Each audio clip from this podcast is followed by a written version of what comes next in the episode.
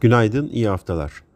BDDK haftalık verilerine göre 28 Temmuz'da toplam mevduat bir önceki haftaya göre 151,5 milyar TL artarak 12,5 trilyon TL'ye yükseldi. Almanya merkezli kredi derecelendirme kuruluşu Scope Ratings, Türkiye'nin kredi notunda bir değişikliğe gitmedi. Amerika'da tarım dışı istihdam Temmuz ayında 187 bin ile önceki 6 aydaki ortalama aylık 270 binlik artışa kıyasla 200 binlik piyasa beklentisinin altında gerçekleşirken işsizlik oranı %3.6'lık beklentiye karşılık 0.1 puanlık beklenmedik bir düşüşle %3.5'a geriledi. Bugün yurt içinde hazine nakit dengesi yayınlanacak. Yurt dışında Almanya sanayi üretimi takip edilecek.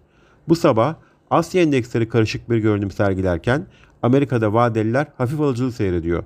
Borsa İstanbul'da hafif alıcılı bir başlangıç öngörüyoruz. İyi günler, bereketli kazançlar.